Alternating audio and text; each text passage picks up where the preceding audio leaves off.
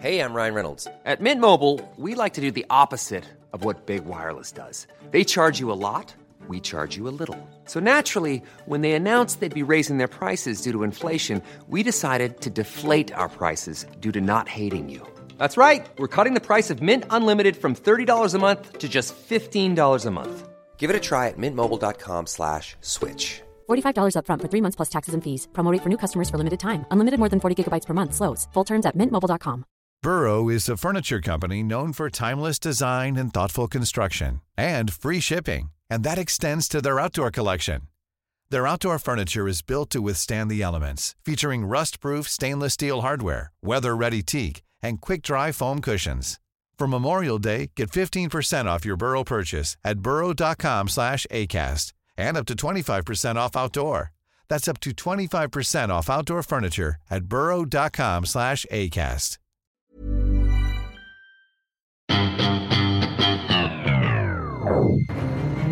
Police now say they have a suspect in the case. Let's go to De var ute på en motionsslinga och eh, kom inte tillbaka eh, på avtalad tid. One concern the police obviously has is that six months on, the flow of misstänks för mord på en kvinna i Frankfurt 1992.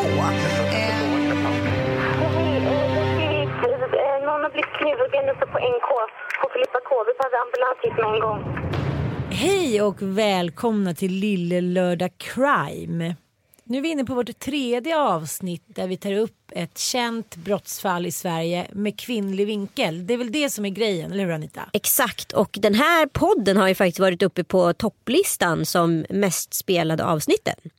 Eh, alltså den här vinkeln på våran podd. Och det är vi jätteglada för för vi är själva väldigt glada och stolta över den här vinkeln för att vi kände verkligen att vi ville göra någonting mer och någonting vinklat som är dels lite så här samhällsnytta, lite utbildande och ändå liksom en bra vettig podd utifrån ett lilla lördagsperspektiv.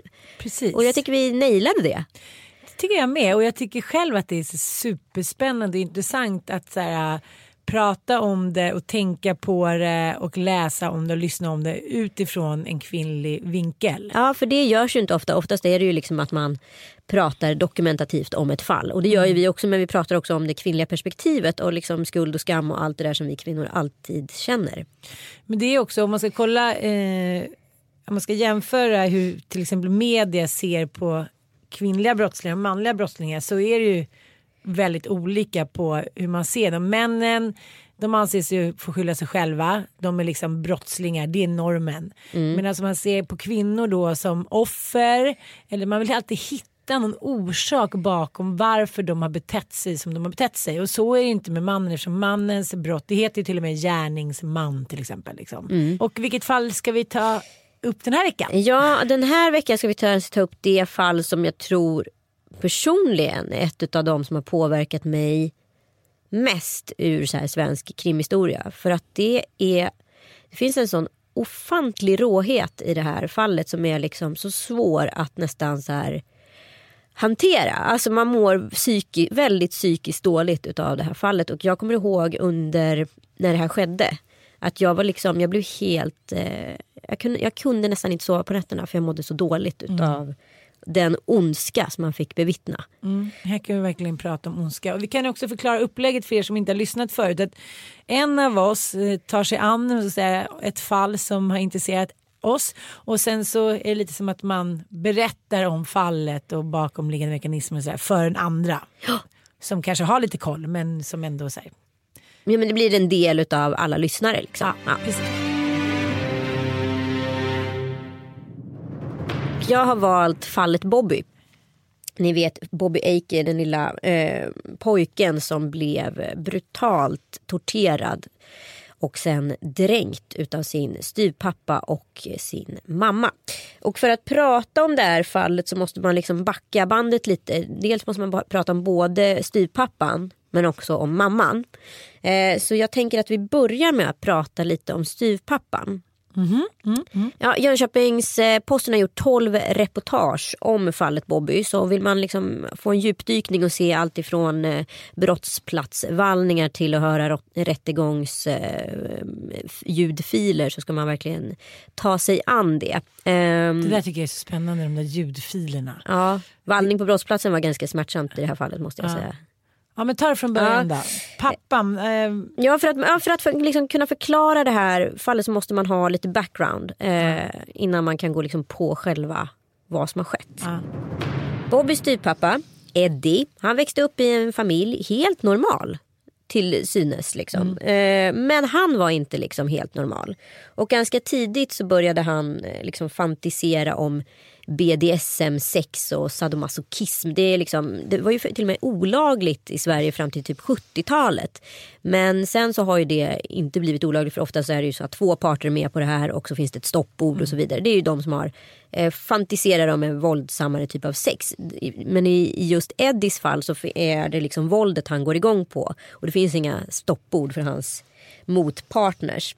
Han Eh, verkar gå igång också så här, liksom, även på barn och det verkar inte bara vara en sexuell. Nej, utan det, han, är, han har eh, alltså väldigt grova sexuella liksom, avvikelser. Så mycket kan man konstatera. Han verkar vara en ond jävel. En ond jävel. Ja, ja. Han, får, han blir kåt när folk har ont. Och Mm. då spelar det inte så mycket roll om det är kvinnor eller barn. Mm. Han njuter av att tortera människor i underlägsna positioner. Och det är lite som Madsen att det är så här, det är förmodligen planerat och det blir bara värre och värre och värre. Mm. Jag tror när man börjar går är det svårt att sätta stopp för. Ja. En kick på en kick. Ehm, nej men han, eh, han vad heter det, ganska tidigt liksom problem med alkohol och droger.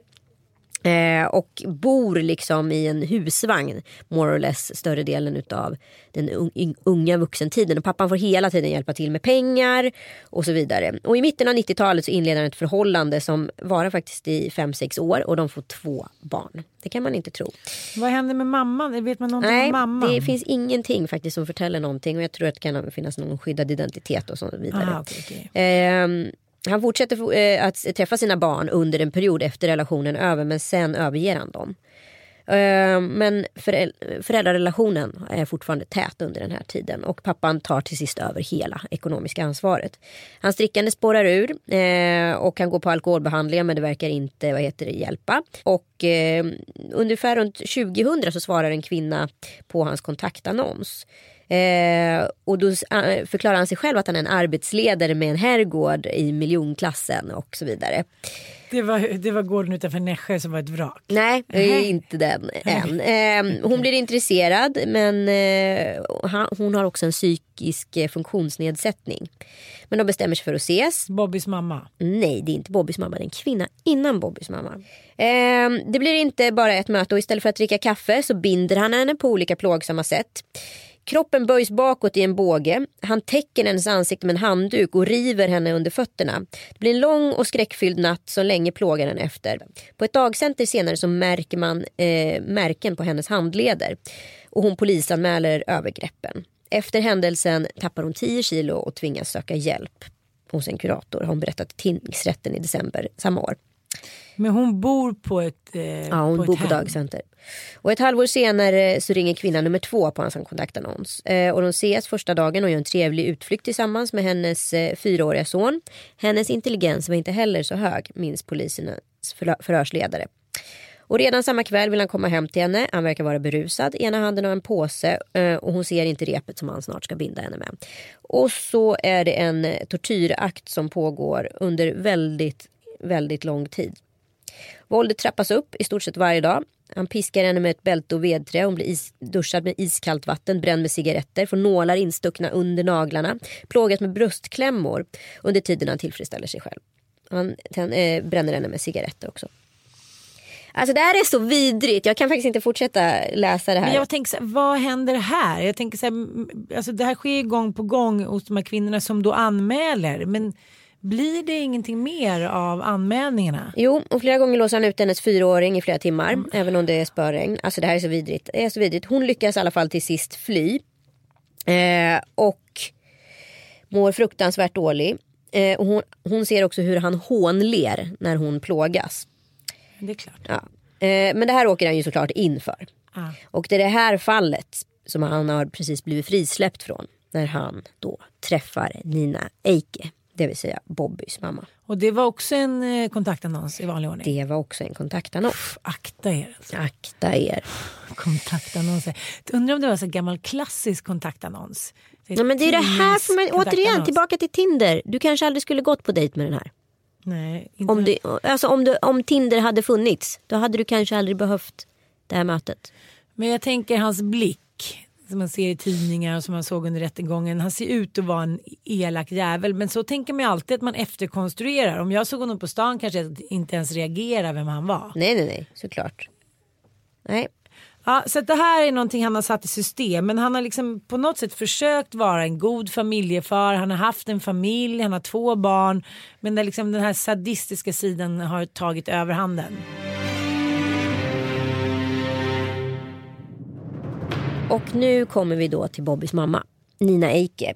Hon har haft en svår uppväxt. Hon är från Stenungsund och hon blir gravid redan som tonåring eh, och väljer att behålla Bobby då som är barnet. Trots eh, den frånvarande pappan. Hon vet faktiskt inte heller vem han är. Hon är ju alltså född 75 så hon är ju 42 år gammal. Ah, ah. Mormor kommer i större delen eh, vara den som är liksom ansvarig så länge de bor i Stenungsund över eh, Bobbys uppfostran. Nina är själv lite svagbegåvad eh, och har också samma eh, diagnos som Bobby har. Eh, en fragil X. Det är en väldigt speciell typ av autism. Eh, som gör en både hyper och eh, väldigt eh, tillbakadragen. Bobby var ju väldigt, väldigt blyg och försiktig och försynt. Eh, och han hade också en jättefin stödfamilj i Stenungsund som tog hand om honom. Bobbys mormor helt enkelt har ju berättat i polisförhören att han mer eller mindre växte upp hemma hos henne. För Nina hade väldigt svårt med liksom att hålla någon typ av ordning och eh, organisation. Det är allt från att så här, klä honom till att liksom, ge honom frukost på morgonen. Det är ingenting som faller naturligt för Nej, henne. nej. Hon inte heller känner att hon har en anknytning till barnet och det är en del av diagnosen. Att man har svårt med man har anknytningsproblem. Ja, helt enkelt. Ehm, Så, och man vet då inte heller hur det ska vara men som, efter normen så att säga. Exakt. Ja, det, är inge, det är väl ingenting som faller naturligt. Vet man vad hon gör? Jobbar hon eller? Ehm, Nej, mamman eh, börjar liksom ganska för tidigt söka efter kärleken via just kontaktannonser. Eh, och hon träffar en man som bestämmer att eh, ta ett möte med. Och mannen har, han bor utanför Malmbäcken i ett litet samhälle och det visar sig vara Eddie helt enkelt. Eh, och familjen flyttar då från Stenungsund eh, ganska snart för att flytta in hos Eddie. Varav då också Bobby tyvärr börjar tappa kontakten med eh, sina fosterföräldrar eller styr, vad ska man säga, stödföräldrar. ja, stödfamilj. Ja. För de hade väl väldigt bra kontakt? Ja, de hade- Stödfamiljen och mamman. Ja, och hon var ju jättepunktlig. Alltså det var aldrig några problem mellan mamman och eh, stödfamiljen. Utan så här, de, hon, som de upplevde det så hade han ändå det han behövde hemma hos mormor och mamman. Så länge den kontakten fanns. Så de bodde tillsammans alla tre Hemma, intill, han, intill hon flyttade hem till Eddie. Exakt. Okej, okej. Ja. Eh, och eh, allting har fungerat bra. Sen, eh, och även i skolan, han är alltid tid, han lämnar sig tid. Det är inga konstigheter egentligen som de kan se på det stora hela. Han är bara svagbegåvad. Eh, Ja, han går ju en obs-klass liksom. Men han är i tid med bussen, han är hel och ren och allt verkar till synes vara bra. Han verkar vara glad väl också? Mm. Sen börjar han på slutet, här, jag tror att de flyttade i, till i början av året och sen på slutet av året eh, innan december när han börjar bli sjukanmäld väldigt ofta så pratar han ganska mycket om eh, våld och sex på ett sätt som man tidigare kanske inte har gjort och inte heller i den åldern som han är i en naturlig grej att skämta om. Reagerar skolan på det? Ja, de reagerar lite och kollar men då säger mamman bara att eh, så där håller han på hela tiden. Och ja, hur ska man säkerställa det om man inte gör ett konkret hembesök? Det kanske var synd i det här fallet att de inte gjorde ett hembesök för Bobby hade inga leksaker på sitt rum. Han hade en porraffisch ovanför sin säng som eh, pappa, styvpappa Eddie hade satt upp Mm, fräscht. I det här hemmet är kanske på riktigt, jag tycker ni ska kolla på det eh, på Jönköpings-Posten, de har dokumenterat hela hemmet, det är kanske det topp tre äckligaste jag sett i hela mitt liv. Ja, men beskriv då. Det är så mycket skit, eh, det är så stökigt, det är nog inte diskat senaste månaden. Eh, det är uppenbart att de dricker väldigt mycket föräldrarna, eller styvpappan och mamman. Det är väldigt vanvårdat. Du skulle inte vilja ha din katt där inne ens. Alltså det är på den nivån. Jag skulle inte vilja ha min vandrande pinne där inne. Nej. Nej.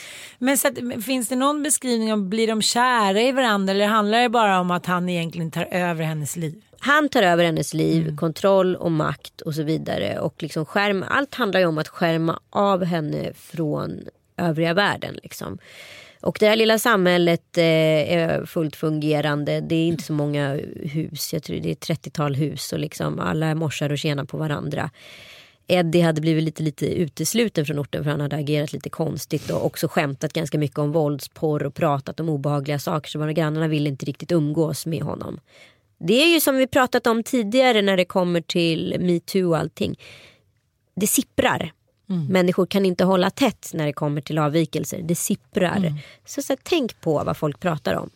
Men Jag tänker också att man som så här medmänniska och eh, medkvinna, just det här med isoleringen, det är ju liksom eh, så tydligt tecken och följer egentligen samma mönster i alla fall där en kvinna eller man då blir utsatt för psykisk eller fysisk terror. Att man slutar tillhöra liksom en social gemenskap. För det går inte för att det sipprar som du säger och folk märker och börjar misstänka. Så att om man har en vän eller, ja, en vän eller en arbetskamrat som helt plötsligt inte ska följa med, eh, inte vill vara med på liksom, ja, after, av eller fritidsaktivitet eller resa eller vad fan det nu handlar om. Så här, börja ana oråd. Jag tänker också skolan där. Jag menar, hur gammal var han då? Då var han tio år. Jag menar, det är klart att man kan kolla på våldsgrejer men det är inte att man från en månad till en annan helt plötsligt börjar prata om liksom porr och våld utan att det ligger någonting bakom. Nej, Det, precis. jag tycker det är fortfarande så jävla naivt i Sverige att det är så här, oj då, vi, vi förstod ingenting. Men nu när ni säger det förresten, alltså jag tycker så här, hellre agera och så här, ja, men bli motbevisad än att inte reagera agera. alls. Precis, absolut så ska det alltid vara. Under december är Bobby mer eller mindre sjukskriven hela tiden från skolan. Här har ju inte skolan agerat och det har varit ett ganska stort trauma. Bobby hade inte gått jättelänge, det hade knappt gått ett år. eh, Vad var i hans mormor då? Det blir lite Men eh, hon bor ju kvar i Stenungsund. Hon och- får förmodligen inte komma dit då. Exakt, det är mycket sådana saker som har skett. Likadant med eh, stödföräldrarna får inte heller komma dit. Eller Nina bokar av precis innan eller Bobby har blivit sjuk. Mm. Och de har ungefär, jag tror det är mm, två kontaktsmöten per månad är det planerat. Jag har för att de har flyttat in hit ungefär i maj.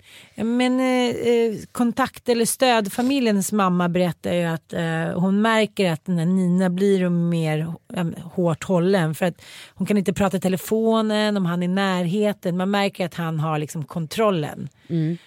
Där kanske hon också kunde ha agerat lite mer. Det är svårt att veta för man, man vet ju inte heller. Det här är ju ett ganska snabbt skede, förstår ni? Det här är liksom från våren och 29 januari året efter är han död. Men vad som händer i alla fall är att eh, eh, Bobbys eh, styvpappa ringer till läraren eh, och frågar om hon har någon aning om var Bobby kan ha tagit vägen någonstans. Och eh, han låter jätteskärrad och upprörd. Så visar det sig att eh, Bobby ringer, Bobbys styvpappa ringer polisen eh, och säger att de har varit och handlat på ett, ett Coop Forum tror jag det är. Eh, här på västkusten och eh, Bobby har då försvunnit ur bilen på en parkeringsplats. Så de har gått och letat och letat efter honom. Eh, men, eh, och det är ju, blir ganska stort pådrag. En tioåring försvinner spårlöst. Och de har liksom inte de får inte tag i honom. Så det är vallningar och, men samtidigt börjar polisen parallellt under den här vallningsuppdraget och det uppdagas i tidningar och allting. Så det polisen har en strategi att fortsätta pumpa ut sökandet efter Bobby media under tiden de hela tiden har fattat misstankar mot styvpappan och mamman. För att dels har ju styvpappan ett förflutet som inte är helt Fläckfritt. fläckfritt. Och sen så agerar de väldigt märkligt. Eller mamman är helt pacificerad. Hon inte, det är som att hon inte pratar riktigt ens om sitt barn. Och en kvinna i den situationen borde ju rimligen kanske vara utom sig. Det är inte Nina. Lite Johanna Möller när hon får reda på hennes pappa blivit mördad. Helt lugn, Ja. ställer typ inga frågor. Och ganska snart eh, så börjar de separera på styvpappan och mamman i förhören. Och snart så erkänner hon vad som har skett. Militären är på det här liksom. Och Mm, ute och letar efter den här killen. Men det är klart. Eh, och sen avbryts då sökinsatsen abrupt efter mammans erkännande. Och hon berättar då att eh, det som har skett i huset är något helt annat än att Bobby har försvunnit från en parkeringsplats. Eh, det, de har dygnat kan man väl säga på alkohol. De har bundit Bobby vid en stol eh, med vad heter det, silvertejp. Eh, han har ju ja, gjort ner sig. Han har tagit hans kalsonger och, eh, med avföring och gnuggat i ansiktet. Han har suttit och sovit i dem. Ja, då har ju pappan föräldrar- sagt att det är så man gör med hundar. Mm. De har eh, bränt honom med cigarettfimpar. De har eh, skurit honom under fotlederna. Eh, eller under, på undersidan av fötterna. Eh, de har gjort ganska brutala saker med honom och, när, och har misshandlat honom så pass grovt så att han har tuppat av. Och när han då har tuppat av då har de tagit ut honom i snön och lagt honom i en snöhög och hällt snö på honom helt naken.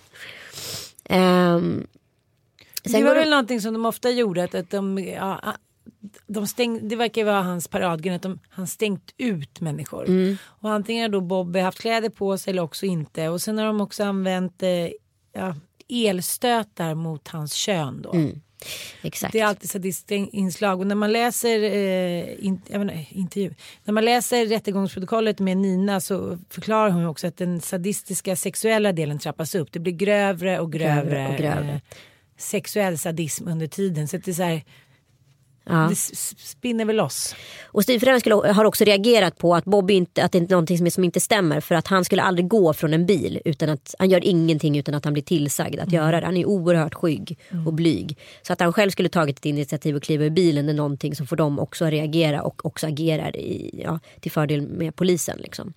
Ehm, de lägger Bobby under en snöhög, inser att så här, han andas ju inte. Oj, han har nog dött.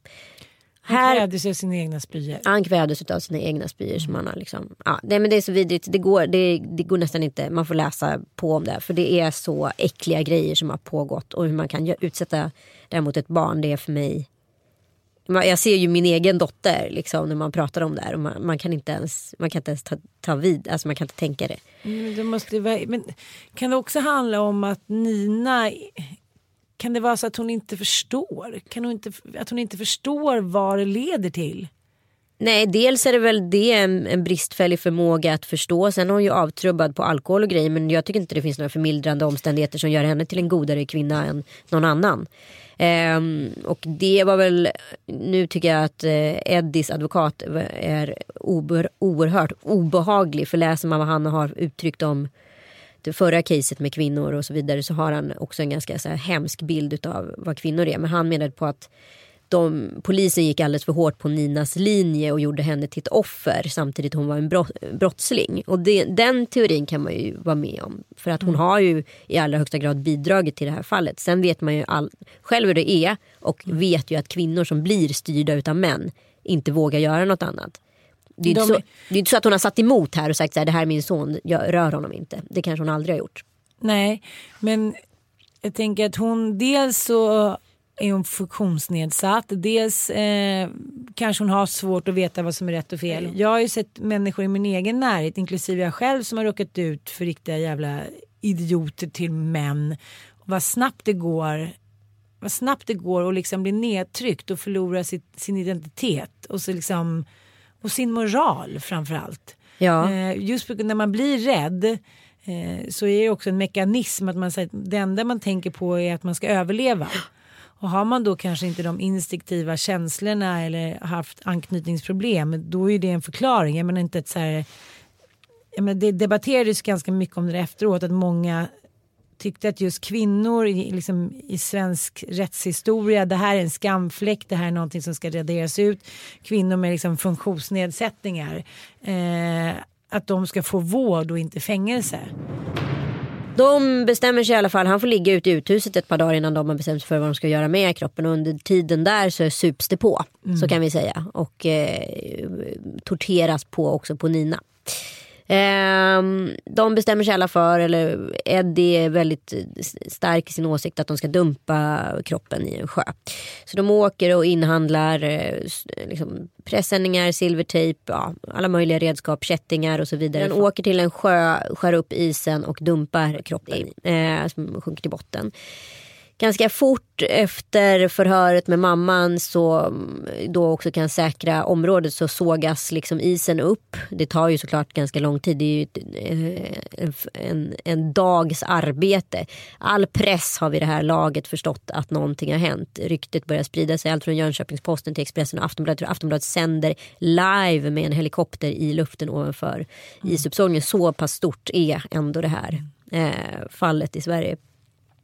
Och då gör de en så, här så kallat cirkeldyk. Det är att de eh, roterar liksom i större och större och större cirklar ner till botten. För att så här, säkra ett område. Alltså själva dykarna som ska gå ner i, det här, i den här vaken. Eh, och det kan vara, det här, det här är någonting som kan ta, pågå i dagar vanligen. För att ett sökområde kan ju vara extremt stort. Liksom. Man vet ju inte riktigt. Saker och ting kan flyta och så vidare. Men redan inom en halvtimme så stöter de på ett eh, paket. Alltså de här kamerabilderna finns också på Jönköpings-Posten. När de tar, hittar det här paketet då, när det tas upp. Och det, det är väldigt så här, alla känner otrolig sorg liksom. Eh, från poliser till, det, det är ett drabbande fall även för de som jobbar med det här. Eh, den är väl inslagen, så kan man säga. Och också vid ob ob obduktionen när de öppnar paketet så är det en oerhörd smärta att se vad, man, vad som är på insidan. Det här fascinerar mig ofta när man läser såna här rättsfall. Att samtidigt som de verkar vara så crazy bananja så har de liksom ganska bra kontroll över situationen. Vad de ska göra, Ja. som att det vore planerat. Det är en kätting och en stort spjut liksom, eller spett som är satt liksom, rakt igenom hela paketet för att så här, tynga det så mycket som möjligt. Det, det ska inte hittas, det här inte. Nej men det var ju som med Madsen. Ja. Han har ju också planerat det här långt i förväg och sett filmer och hade med sig små tortyrredskap. Och, Du vet som kvinna, jag kan inte ens, eller som ett barn, jag menar, man är så jävla värnlös. Kim var ju ute liksom på öppet hav, så ingen hör dig skrika. Och samma sak med Bobby, han var ju liksom värnlös, han, han kunde inte säga ifrån. Nej, Han kunde varit- inte förklara situationen för någon på grund av sitt handikapp. Exakt och ortsborna är också väldigt väldigt eh, drabbade efteråt här att de inte har ingripit eller förstått att något har varit fel. De hade inte ens vetat om att det bodde en kvinna. De hade förstått att det flyttat in en kvinna där. Det är så mycket de har förstått men de har inte förstått att det bodde ett barn där överhuvudtaget. Och det var ingen miljö som någon, de sa ett barn borde vistas i. Nej, nej absolut inte. Men det är hela tiden det där att, att vad händer mellan så här, leva ett eh, fullt funktionerat, liksom funktionellt liv till att så här, allting brakar. Där tänker man, så här, man tänker på mormor som liksom har gjort sitt allra bästa under många år förmodligen, skolan. Men jag tänker också så här, no offense, men små samhällen bygger ju fortfarande på en stark social gemenskap. Och går man utanför den då som främling, ja, men det, vill man nog, det är någonting som katten har släpat in. Om man inte spelar liksom efter så, bygemenskap, bygemenskapens spelregler, då får man heller inte vara med. Då skvallras dit och dit, men det är jävligt sällan som någon Kliver in och Ja, gör något. ja. Ja, men så är det. Mamma blir ju frikänd efter sex år i fängelse och styvpappan efter halva tiden också så båda är ute. Styvpappan har ju då begått eh, flera barnporr vo- och våldsbrott efteråt så att han är inne igen. Eh, Men mamman har träffat en ny man som eh, mördade sin pappa. Precis. Ja, mördade sin pappa eh, och vad heter hittade Gud 2014. Sen träffade han Nina och de blev gravida. Hans livskärlek, hans Ja, livskärlek. däremot så tog SOS barnet ganska omgående då det var, fanns liksom ingen typ av grund de kunde uppfostra ett barn på. Så att nu lever, jag vet inte om hon lever med den här mannen fortfarande men det verkar ju som så. Verkar onekligen så, ja, Ja. precis. Vi kan väl bara hoppas att Nina inte sätter några mer barn till jorden som behöver fara illa i hennes händer. Jag tycker att det här är ett jätte, jättesvårt fall. Alltså utifrån ett Nina-perspektiv. Ja, och det är ju, men Hon är hon precis som polisen då har agerat. Är hon både ett offer och en skyldig i samma kropp? Men samtidigt säger så här, hon har ändå hon har genomgått en psykiatrisk undersökning Mm. som har då fastställt att hon inte eh, Lider utav psykiska problem. Ja, eller inte i så, den i så pass grad att hon eh, inte kan bli åtalad då. Nej, precis. Och så tänker jag så här, när, i förhören så berättar hon ju då att hon hon hade ju själv en plan för att slippa undan då det här misstänkta mordet. Hon ville ju elda upp Ja, Bobby. exakt. Men då kom ju Eddie med idén att de skulle dumpa honom i en sjö. Så det är inte så här att hon har, hon har inte varit passiv. Nej, nej, nej, absolut Nej. inte. Eh, och eh, jag menar, under hela rättegången så är hon ju till synes helt oberörd. Men samtidigt så vill hon ju gå sen på eh, begravningen och tillåts då att gå på begravningen. Mm. Hon fick gå in då efter alla andra hade fått gå ut. Mm. Vad tycker man om, om någonting sånt när man själv är mamma? Nej men, jag, nej men jag kan, det går inte ens att relatera till men jag ser att det finns två sidor i henne här. Det är lite som att hon, vad är det, vad är det Bo Kasper säger? Eh, allt ljus är på mig. Det är som att stå i mitten men ändå stå bredvid. Alltså det är som att hon inte riktigt ser sin egen del i sammanhanget men samtidigt gör det. Det är som att hon läser historien om sig själv och eh, är en, en skuggfigur i sitt eget liv. Och, eh, jag tycker också det är så hemskt att läsa den här stackars fo, eh, liksom fostermammans ångest och ängslan runt det här att de liksom de var ju på gång och skulle agera för de kände att någonting inte stod rätt till men han liksom inte skrida till verket. Och liksom den här ångesten som har gnagt henne liksom år ut och år in för det här. Förstå att leva med den skulden och den skammen. Alltså. Så vedervärdigt. Men, men jag tänker ofta sen när jag hör såna historier, varför vill de ha barn? Ja men varför vill de ha barn? Och varför vill de ha barn när det är så jävla många fina människor där ute som inte ens kan få barn? Det, det här, den här orättvisan kan ju äta upp en. Att behöva tänka på det. Jag har bara tänkt så mycket på det där fallet för några veckor sedan i Los Angeles med det här paret. De 13 Eh, barnen. Ja, som hade 13 barn då. Åtta stycken var fastkedjade sig vid sina sängar. Är det då en besatthet då att så här, vi, man tror att man lever liksom någon härlig sektliknande samklang i familjen så man ser inte vad det är som pågår. Man tycker själv att det här är hur normalt som helst. Det är just den här isoleringen och alla är så här, gud vi har inte sett någon i trädgården. Vi har inte ens märkt att någon bor där hit och dit. Men hur mycket bra kollar du på dina grannar i ditt hus? Nej jag vet men jag, Nej, jag håller med dig. Det är skitsvårt liksom. Man skulle kunna ha en mördare två trappor upp utan att veta det liksom.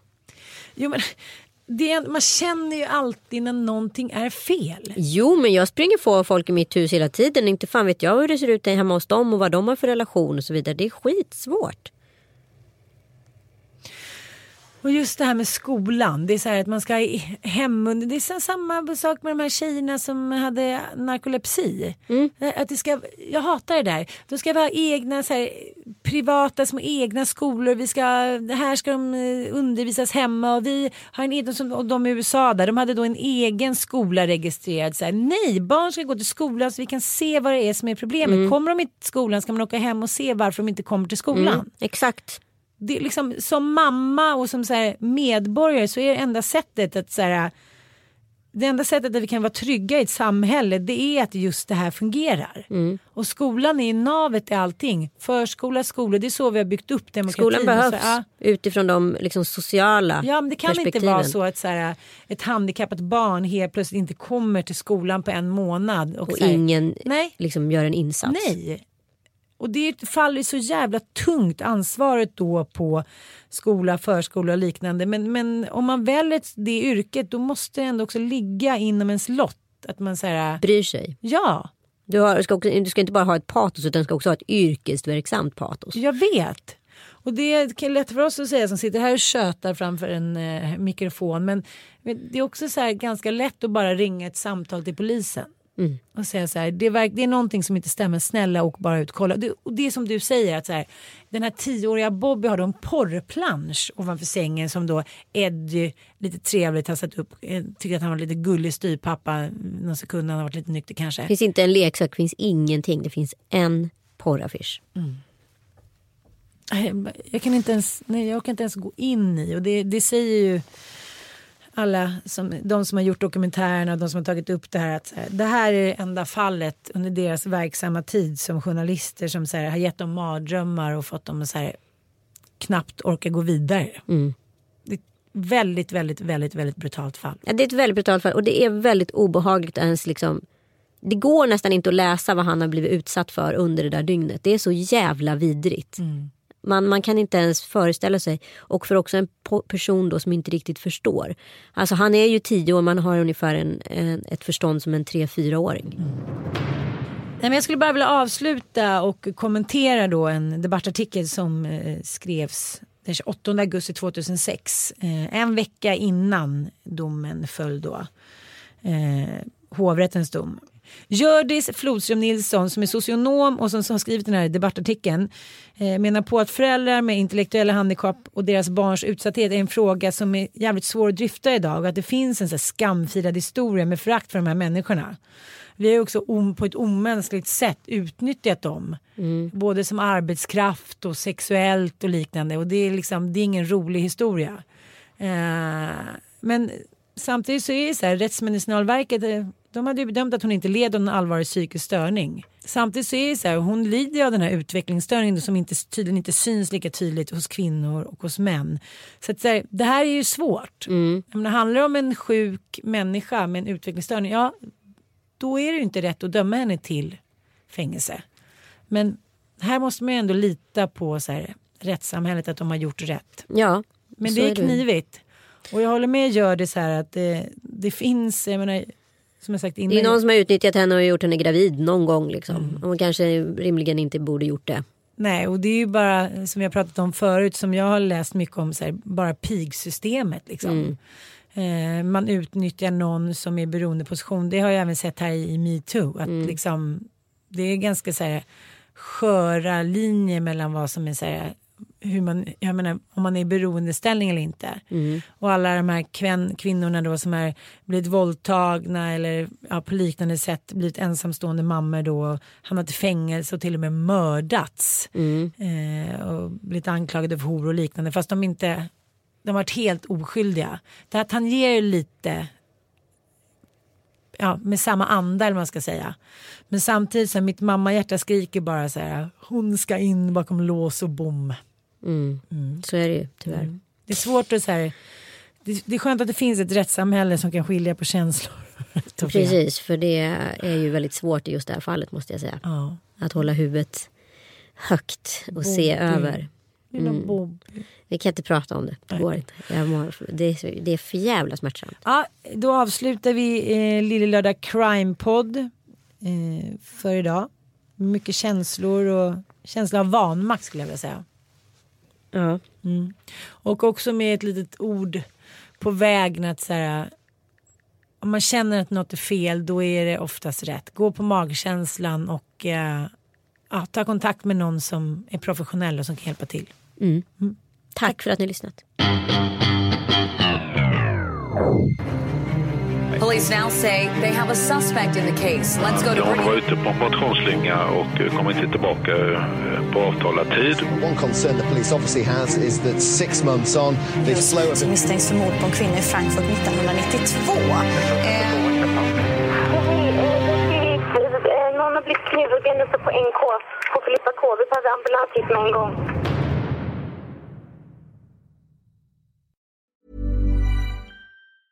A lot can happen in the next three years. Like a chatbot may be your new best friend. But what won't change? Needing health insurance. United Healthcare Tri Term Medical Plans are available for these changing times. Underwritten by Golden Rule Insurance Company, they offer budget friendly, flexible coverage for people who are in between jobs or missed open enrollment. The plans last nearly three years in some states, with access to a nationwide network of doctors and hospitals. So, for whatever tomorrow brings, United Healthcare Tri Term Medical Plans may be for you. Learn more at uh1.com. Even when we're on a budget, we still deserve nice things. Quince is a place to scoop up stunning high-end goods for 50 to 80% less than similar brands. They have buttery soft cashmere sweaters starting at $50, luxurious Italian leather bags, and so much more. Plus, Quince only works with factories that use safe, ethical, and responsible manufacturing. Get the high-end goods you'll love without the high price tag with Quince. Go to quince.com slash style for free shipping and 365 day returns.